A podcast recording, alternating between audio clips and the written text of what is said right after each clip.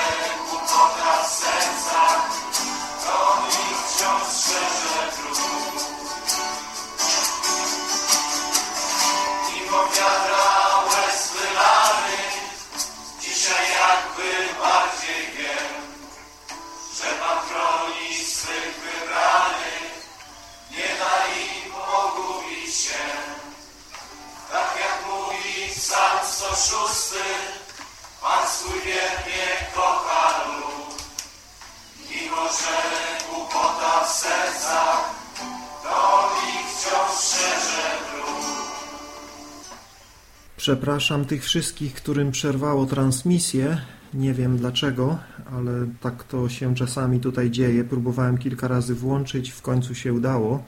Także mam nadzieję, że już bez zakłóceń y, wszyscy będą mogli słuchać.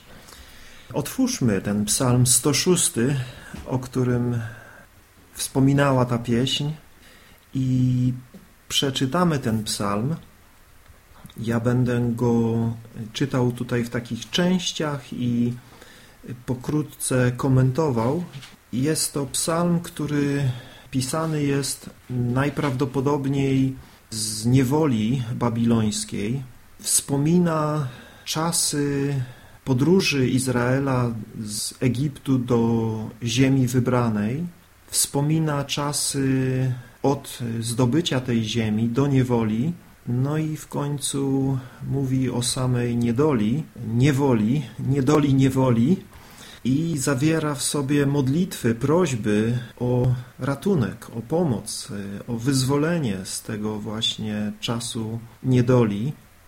Psalm zaczyna się takim radosnym wezwaniem Alleluja, czyli chwała Jahwe. Wysławiajcie Jahwe, ponieważ jest dobry. Tak, Jego łaska trwa na wieki.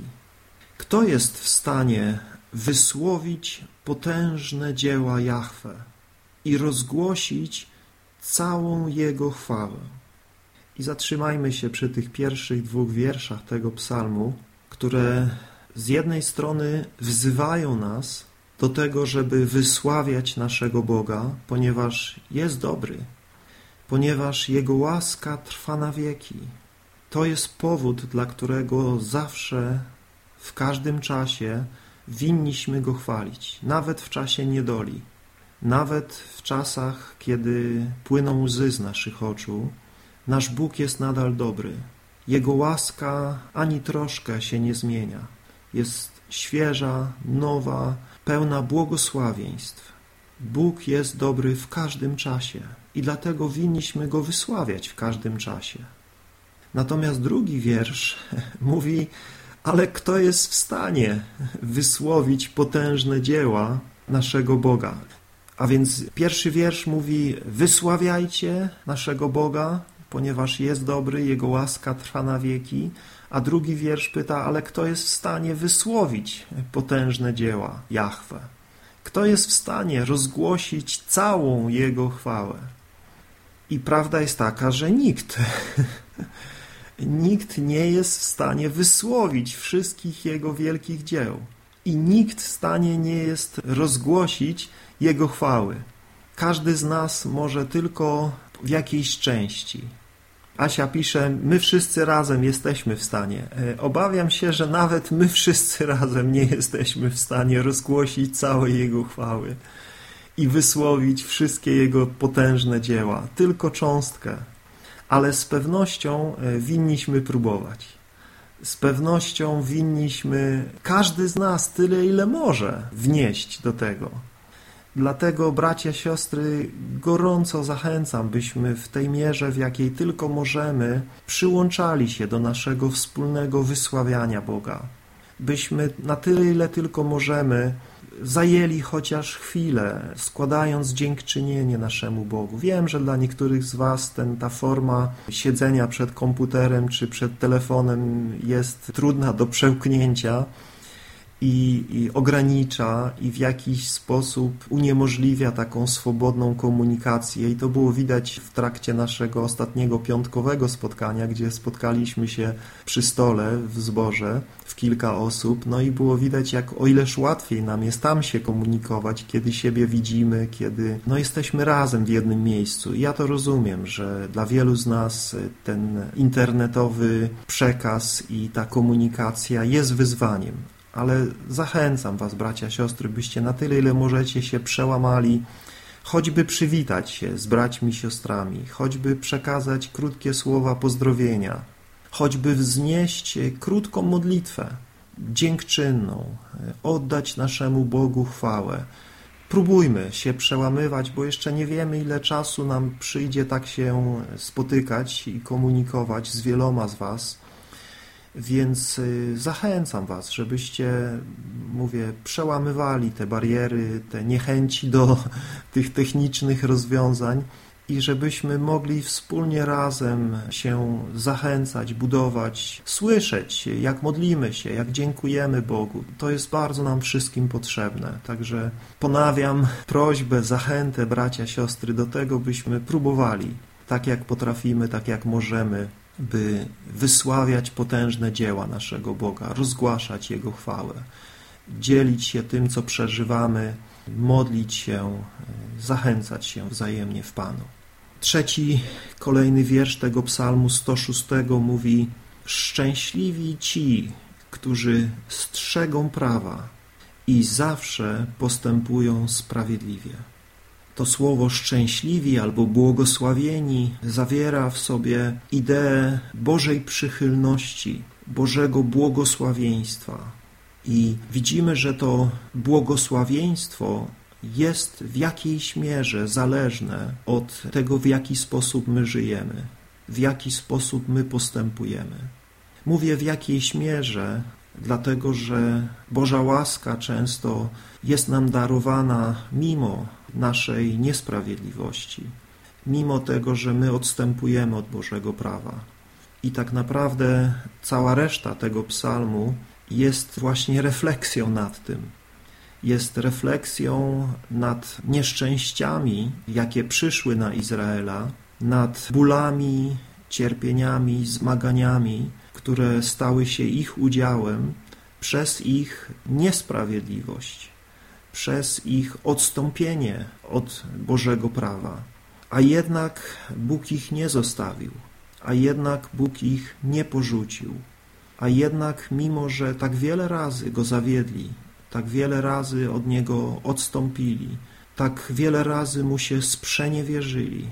Bóg ich nie zostawił i dlatego winniśmy Go wysławiać. Dlatego winniśmy Go chwalić, bo Jego łaska trwa na wieki, prawdziwie trwa na wieki.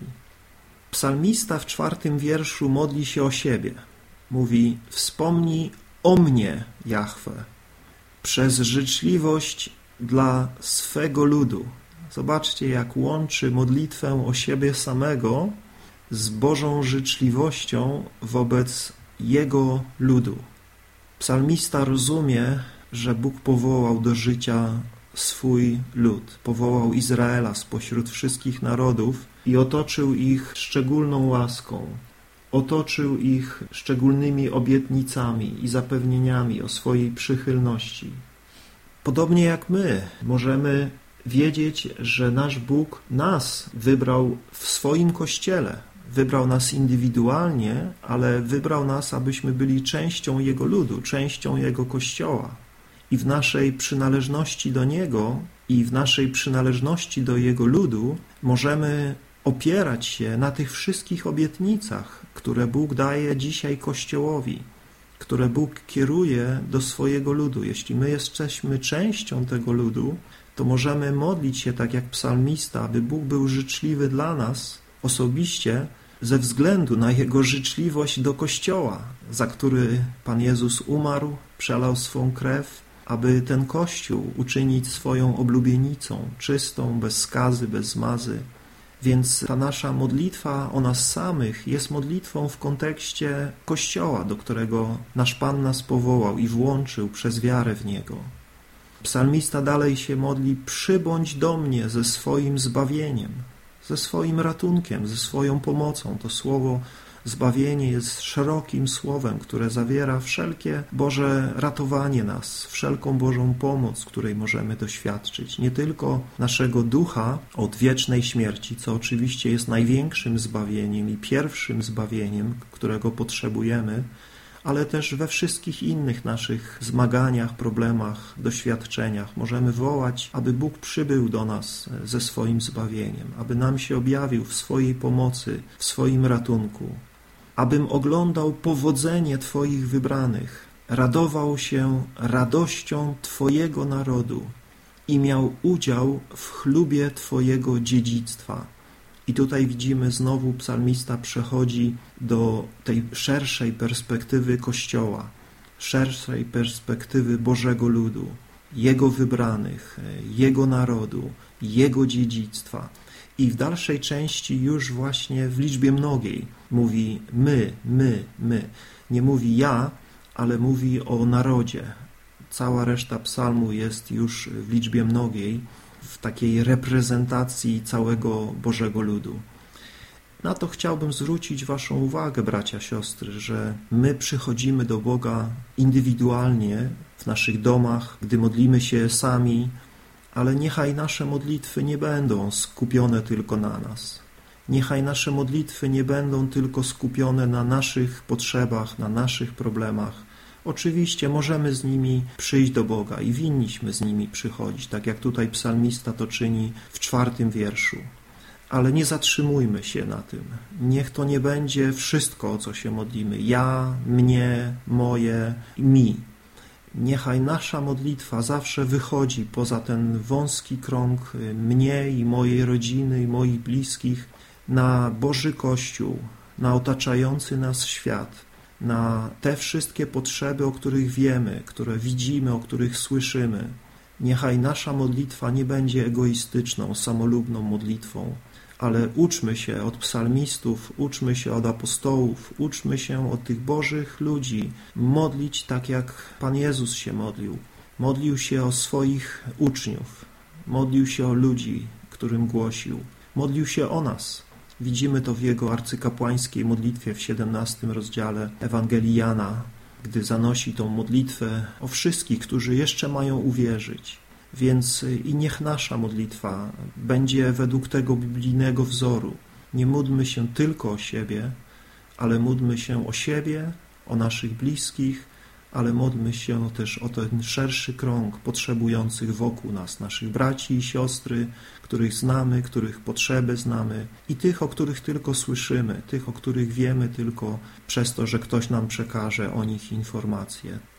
I dalsza część, tak jak powiedziałem, jest takim wyznaniem ich win, wyznaniem grzechów od samego początku ich wybrania, od tego chwalebnego momentu wyprowadzenia ich z Egiptu poprzez zasiedlenie Kanaanu i te czasy sędziów, królów. Niestety widzimy, że były to czasy ciągłego odstępstwa, ciągłej niewierności Bogu i w końcu e, znaleźli się w niewoli, znaleźli się tam, gdzie Bóg im zapowiadał, że się znajdą, jeśli będą trwali w swoim uporze.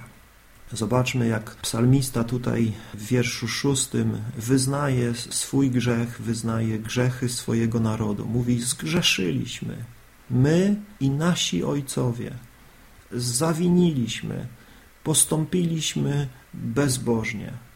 I to jest pierwszy krok do duchowej odnowy. To jest pierwszy krok, aby znowu znaleźć się w miejscu Bożej przychylności, Bożej radości, Bożego błogosławieństwa, wyznać grzech, przyznać się, że zbłądziliśmy, przyznać się, że zgrzeszyliśmy, przyznać się, że zawiniliśmy, że postąpiliśmy bezbożnie. My winniśmy trwać, bracia i siostry, w ciągłym opamiętaniu. Pan Jezus nauczył nas modlić się i częścią tej modlitwy jest przebacz nam nasze winy. Przebacz nam nasze winy. Więc nie zapominajmy też o tym w naszych modlitwach, bracia, siostry. Wyznawajmy nasze grzechy, przepraszajmy szczerze Boga, żałujmy tego, gdzie odstąpiliśmy od Niego, gdzie okazaliśmy się niewierni w małych czy większych rzeczach. Nie ukrywajmy żadnego grzechu, nie żyjmy w poczuciu winy, ale wyznawajmy nasze winy i przyjmujmy Boże przebaczenie. I dalej psalmista szczegółowo wymienia, nie mówi tylko ogólnie, tutaj zaczyna od ogólnego takiego wyznania w szóstym wierszu, ale później przechodzi do szczegółowych grzechów, do szczegółowych przestępstw. Mówi, nasi ojcowie w Egipcie nie zwracali uwagi na Twoje cuda, nie pamiętali o wielkiej Twojej łasce. Buntowali się też nad morzem, nad Morzem Czerwonym. A jednak, zobaczcie, jakie to jest piękne, a jednak a jednak wybawił ich ze względu na swoje imię, po to, aby okazać swą potęgę. I to jest nasza nadzieja, bracia, siostry, że Bóg wybawi nas nie ze względu na nas, że my na to zasługujemy, że jesteśmy godni, że mamy się czym poszczycić, że możemy teraz przynieść całe garście naszych dobrych uczynków i zasług i powiedzieć: Boże, zobacz, jaki ja jestem dobry i wspaniały, jak Ci wiernie służyłem. Jeśli oczekujemy Bożej łaski i Bożego działania, to musimy przede wszystkim opierać się na tym, kim Bóg jest jak dobry On jest, jak On wspaniały jest, jak potężny jest, jak hojny jest, jak miłosierny jest. Tu jest nasze oparcie, nie w nas samych, nie w naszych zasługach, ale w Nim samym. On nas wybawi nie ze względu na nas, ale ze względu na swoje wielkie imię, ze względu na Pana Jezusa, który umarł za nas, który przelał za nas swą krew, który zbawił nas ze względu na Jego imię, więc na to imię się powołujmy, na Jego krzyż, na Jego śmierć, na Jego zmartwychwstanie, na Jego orędownictwo i wstawiennictwo za nami w niebiańskiej świątyni. To jest nasza nadzieja, to jest miejsce naszego oparcia w naszych potrzebach. I dalej psalmista wymienia te rzeczy, które Bóg uczynił. Wydał rozkaz Morzu Czerwonemu i wyschło. Przeprowadził ich przez głębiny niczym przez pustynię. Wybawił ich też z ręki tych, którzy ich nienawidzili i wykupił ich z ręki wroga. Ich ciemiężców przykryła woda. Nie pozostał ani jeden. Wtedy uwierzyli Jego słowu i śpiewali na Jego chwałę. I to są piękne momenty w historii Bożego Ludu, kiedy Bóg okazywał im łaskę, kiedy Bóg cudownie się objawiał. I wtedy wierzyli, tak, wtedy wierzyli, wtedy śpiewali, wtedy się weselili, wtedy składali obietnice, że już będą wierni, że będą Mu służyli, ale jak następny wiersz mówi, szybko jednak zapomnieli o Jego czynach, nie czekali na Jego radę, to jest niestety smutna historia opisana w całym Starym Testamencie. Widzimy, jak ludzie Boży, ludzie wybrani przez Boga opamiętują się, pokutują, wzywają Boga, ale niestety szybko po tym, jak Bóg im odpowie, jak Bóg okaże swą moc i łaskę, zapominają. Odwracają się znowu od Niego, już nie czekają na Jego radę pałają rządzami, tak jak czternasty wiersz mówi, wystawiają Boga na próbę. To jest tragiczna historia Starego Testamentu, ale niestety też i obraz, który oglądamy w Nowym Testamencie. Czasami zachwycamy się tym pięknem pierwotnego Kościoła, ale często jesteśmy tacy niezbyt uczciwi w właściwej ocenie tego, co tam się działo.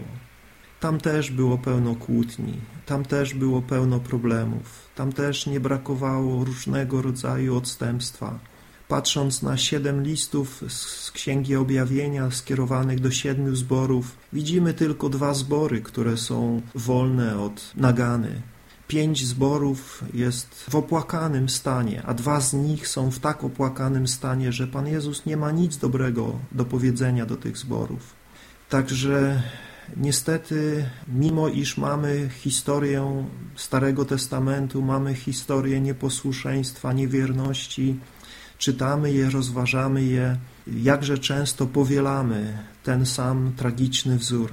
Jakże często widzimy różnego rodzaju przebudzenia, widzimy różnego rodzaju Boże działanie, gdzie ludzie się cudownie nawracają, doświadczają wylania Ducha Świętego, obfitości Bożej obecności i mocy i jak szybko to się zamienia w jakiś chaos, w jakiś harmider, w jakieś ludzkie porządki.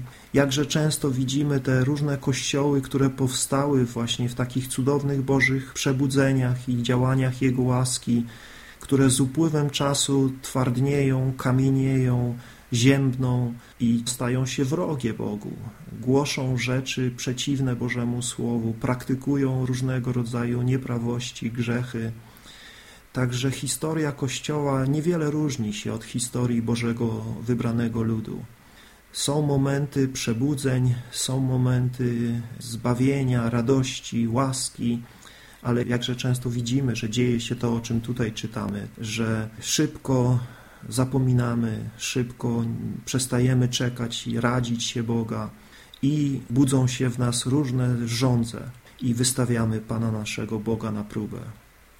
I dalej czytamy, że gdy oni tak postępowali, to Bóg im dał to, czego pożądali, ale posłał również słabość na ich duszę. Czyli tutaj widzimy cenę tego. Kiedy oni pożądali rzeczy, których nie powinni pożądać, kiedy powinni się byli zadowolić tym, co Bóg im dał, tą manną z nieba, którą Bóg ich codziennie karmił, ale gdy oni narzekali, gdy marudzili, gdy się domagali, Bóg im dał to, czego pragnęli, ale też posłał im słabość na ich duszę. I to jest duchowy dramat ludzi, którzy upierają się, żeby Pan Bóg im dał to czy tamto i upierają się do tego stopnia, że czasami Pan Bóg o dziwo daje. Wiemy, że czasami nie daje, mimo tego, że się upierają, ale czasami daje. Ale w tym nie ma Jego mocy, w tym nie ma Jego radości, w tym nie ma Jego życia, ale jest słabość na duszach jest jakieś poczucie dalej niezadowolenia, braku satysfakcji. I to było udziałem Izraela. Wiemy, że wielu z nich też zginęło, gdy te żądze ich rozpaliły. Bóg nie tylko posłał słabość na ich duszę, ale też zabił wiele ciał. Zazdrościli także Mojżeszowi w obozie oraz Aaronowi, którego Jahwe poświęcił. Ale rozwarła się ziemia i pochłonęła Datana – zamknęła się nad całą zgrają Abirama. Zapłonął ogień przeciwko buntownikom i płomienie strawiły bezbożnych. A więc tutaj mamy kolejny przejaw ich buntu, zazdrości, że Bóg wybrał tego, a nie ich. Pamiętamy tą historię Datana, Abirama, jak się z, razem zespolili, jak się razem zjednoczyli w tym buncie i tragicznie zginęli. Zrobili sobie również cielca na chorebie i kłaniali się lanemu posągowi. Zamienili swoją chwałę na posąg cielca jedzącego trawę. Zapomnieli o Bogu, swym wybawcy, który dokonał wielkich dzieł w Egipcie, cudów w ziemi Hama i budzących grozę czynów nad Morzem Czerwonym kolejny przejaw ich bezbożności, Boga prawdziwego, Boga niewidzialnego, Boga wszechmogącego zamienili na cielca, którego sobie ulali ze złota.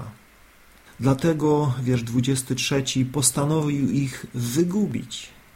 I tak by się stało, gdyby nie Mojżesz, jego wybrany, który stanął przed nim w wyłomie, by ułagodzić jego gniew, powstrzymać wolę zniszczenia a więc Bóg w swoim gniewie na ich nieposłuszeństwo był gotów ich wygubić. Tak powiedział do Mojżesza, że ich wszystkich wygubi i z niego wyprowadzi nowy lud. Ale Mojżesz w swej pokorze nie pożądał tego, by teraz z niego powstał nowy lud, ale błagał Boga, prosił o zmiłowanie, o ratunek i wiemy, że Bóg go wysłuchał i Bóg nie zniszczył tego narodu, chociaż ich boleśnie doświadczył. I gdy weszli już do tej upragnionej ziemi, gdy doszli do granic, to wiersz 24 mówi, że nie uwierzyli Jego słowu, pogardzili upragnioną ziemią, szemrali w swoich namiotach, nie słuchali głosu Jahwe. Wiemy, że tych dziesięciu wysłańców przyniosło złe wieści, tylko dwóch miało dobre wieści i ludzie woleli słuchać tych dziesięciu, zaczęli szemrać, przestali ufać Bogu, że Bóg ma moc ich wprowadzić do tej ziemi i wiemy, co się wydarzyło. Czytamy w wierszu 26, że Bóg podniósł na nich swoją rękę, by doprowadzić do ich upadku na pustyni, rozrzucić ich potomstwo wśród obcych narodów i rozproszyć ich po przeróżnych ziemiach. Czyli tutaj psalmista przechodzi od tych wydarzeń na pustyni do tego, co wydarzyło się później, gdy już weszli do ziemi obiecanej. Tam widzimy na pustyni całe to pokolenie wyginęło, dopiero ich dzieci odziedziczyły Kanaan, natomiast to, co się działo później w tej ziemi, no, nie było nic, niczym lepszym. Także Bóg ich również musiał wyprowadzić z tej ziemi i rozproszyć po obcych narodach. Natomiast tutaj znowu psalmista wraca jeszcze do tych wydarzeń, które miały miejsce na pustyni, gdy wędrowali do ziemi Kanaan i mówi w wierszu 28 przyłączyli się też do Baala Speor i jedli ofiary, które składano zmarłym, rozgniewali go swoimi postępkami i dlatego spadła na nich plaga. Wówczas powstał Pinechas i dokonał sądu, i plaga została powstrzymana, a jemu poczytano to za sprawiedliwość z pokolenia w pokolenie na wieki. Czyli tutaj mamy kolejny etap ich nieprawości, ich niewierności i jednego człowieka, Pinechasa, który, jeśli pamiętacie tą historię, no, w taki dramatyczny sposób rozprawił się z nierządnikami, przebijając ich włócznią, i Bóg mu poczytał to za sprawiedliwość i jest to czyn, który był powtarzany w Izraelu z pokolenia w pokolenie. I my również dzisiaj możemy o nim czytać i widzieć jego gorliwość o chwałę Bożą. I dla nas też jest wzorem, byśmy nie byli bierni, gdy widzimy zło, gdy widzimy grzech, szczególnie w pośród Bożego ludu, byśmy nie stali biernie, byśmy nie milczeli, ale żebyśmy podjęli działania, czasami dramatyczne działania, tak jak Pinechas, Czasami zrobili coś, co no, w oczach ludzkich nie przysporzy nam chwały, ale Bóg nam będzie to pamiętał jako sprawiedliwość. Bóg nam będzie to pamiętał jako słuszne, więc nie możemy być bierni. Gdy widzimy grzech, gdy widzimy zło w pośród Bożego ludu, winniśmy podjąć działanie, winniśmy podnieść głos, winniśmy to, co możemy zrobić, żeby to powstrzymać. Następnie rozgniewali go wód Meriba, także Mojżesz ucierpiał z ich powodu. Właśnie przez nich był tak rozgoryczony, że padły z jego ust nieprzemyślane słowa. Nie wytępili ludów, a to nakazał im Jahwe, lecz spowinowacali się z narodami i uczyli się postępować jak one. Zaczęli służyć ich bóstwom, a stały się dla nich pułapką. Składali w ofierze demonom swoich synów i swoje córki, przelewali niewinną krew, krew swoich synów i córek w ofierze bóstwom Kanaanu. W ten właśnie sposób ziemia została skalana krwią. Splamili się przez swoje dzieła, cudzołożyli czynami.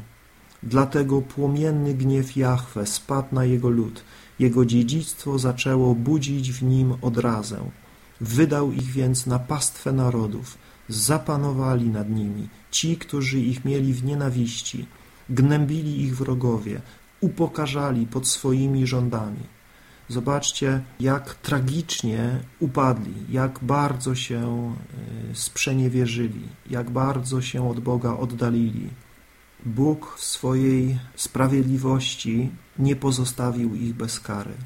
I możemy być pewni, że i dzisiaj Bóg też nie pozostawi bez kary tych, którzy są w Jego Kościele i bezbożnie postępują, którzy przynoszą Bogu wstyd, przynoszą hańbę, przynoszą złe świadectwo Jego imieniu. Bóg sądzi swój lud, Bóg sądzi tych, którzy się na Niego powołują, więc wiemy, że nie ujdzie im to bezkarnie. Bóg się nie da z siebie naśmiewać. Słowo Boże przestrzega nas, byśmy nie zasłaniali się Bożą łaską, gdy śmiemy grzeszyć, gdy śmiemy odwracać się od Boga, odstępować od Niego. Także bracia, siostry, tutaj musimy to bardzo poważnie potraktować, że chociaż ten psalm mówi nam o tym, że jednak Bóg się litował, że Bóg przychodził im z pomocą, jak kolejny wiersz mówi, że jednak wejrzał na ich niedole, jednak wysłuchał ich wołania o pomoc. Tak, Bóg, nasz Bóg jest tak cudowny, choćbyśmy nie wiadomo jak nisko upadli, choćbyśmy nie wiadomo jak bardzo się uwikłali w nasze grzechy, choćbyśmy nie wiadomo jak bardzo się zabłocili i w jakie bagno wdepnęli, to gdy wołamy do Niego, On się lituje, On jest wielce miłosierny i zbawia ale nie bierzmy tego nigdy, przenigdy, nie bierzmy tego jako jakąś zasłonę dla takiego życia. Raczej tak jak początek tego psalmu nas wzywa, pokutujmy, wyznajmy nasz grzech, odwracajmy się od bezbożności, wiedząc, że Bóg jest łaskawy, wiedząc, że Bóg jest miłosierny, ale nie pozostawia bez kary tych, którzy bezbożnie postępują.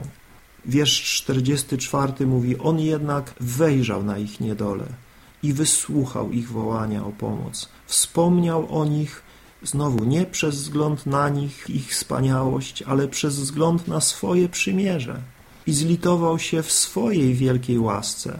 Wzbudził miłosierdzie dla nich u wszystkich, którzy ich zniewolili.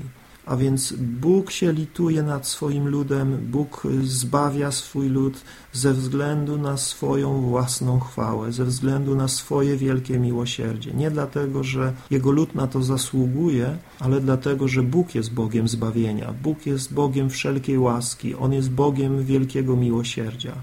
I dlatego też oni mogli tego doświadczyć i dlatego my tego możemy doświadczyć choćbyśmy, tak jak powiedziałem, jak ten psalm tutaj nam zaświadcza, nie wiadomo jak nisko upadli, póki żyjemy, póki mamy dech życia, możemy się opamiętać, możemy wzywać naszego Boga, prosić Go o miłosierdzie, prosić Go o zbawienie i możemy tego doświadczyć. I ostatnie słowa tego psalmu są właśnie taką modlitwą, są taką prośbą, wybaw nas, Jahwe, nasz Boże, zgromadź nas spośród narodów, abyśmy mogli dziękować Twemu świętemu imieniu i szczycić się tym, że wielbimy Ciebie.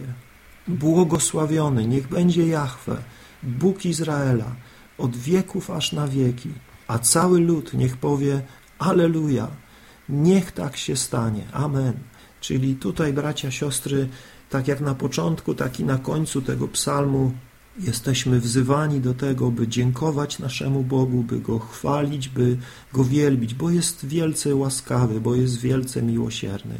Więc chciejmy to czynić, bracia, siostry. Zachęcam Was gorąco do tego, żebyście zabierali też głos w modlitwach, żebyśmy i my dzisiaj w tym naszym zgromadzeniu, w takiej formie, w jakiej to robimy, oddali Bogu chwałę, podziękowali Mu za przejawy Jego łaski i w naszym życiu, i w Kościele dzisiaj, i też prosili Go, błagali Go, by ratował ludzi, którzy żyją w grzechu, ratował te kościoły, które odstępują od Niego, ratował tych ludzi, którzy zagubili się na swoich drogach, odstąpili od Niego. Z wiarą, z ufnością e, wołajmy do naszego Boga. Kochany Ojcze, ja chcę Ci podziękować za to, że Jesteś tak dobrym Bogiem, tak łaskawym, tak miłosiernym, tak cudownym i gotowym, by przebaczać, by oczyszczać, by uwalniać. Chcę Ci dziękować, że widzimy to w historii Twojego ludu, widzimy to w historii Kościoła, że jesteś wielce miłosierny, wielce łaskawy i nie chcesz śmierci grzesznika, i tym bardziej nie chcesz, aby zginęli ci, którzy doświadczyli Twej łaski, doświadczyli Twego zbawienia, którzy zasmakowali Twej dobroci. Boże, chcesz ich zachować, chcesz ich ratować, chcesz ich sprowadzić na prostą drogę. I chcemy się modlić o nas samych, byś nam, Panie, pomógł żyć z Tobą, kochać Ciebie, być wiernymi Tobie, nie ustawać w naszym podążaniu za Tobą, Prosimy, napełniaj nas Twym Duchem Świętym, prowadź nas w Twojej łasce, a gdy potkniemy się, gdy odstąpimy od Ciebie, daj nam głęboką pokutę, daj nam głęboki żal, daj nam łaskę, by przyjść do Ciebie i znaleźć u Ciebie przebaczenie, znaleźć u Ciebie odnowę, znaleźć u Ciebie łaskę i znowu życie Twoje i radość i pokój. To wszystko, co w swojej dobroci nam dałeś w Jezusie Chrystusie, w tym nowym przymierzu, które jest lepsze od tego starego przymierza, daleko lepsze. Boże nasz, daj nam wytrwale też modlić się o naszych braci i siostry w potrzebach, w słabościach, w upadkach. Nie ustawać, wołać o Twój Kościół, abyś go ratował, abyś go oczyszczał, abyś go uświęcał, aby był pełen chwały, pełen radości, wdzięczności i uwielbienia i aby jaśniał Twym światłem w tym świecie. Prosimy, prosimy przez imię Jezusa Chrystusa, Twego Syna. Amen.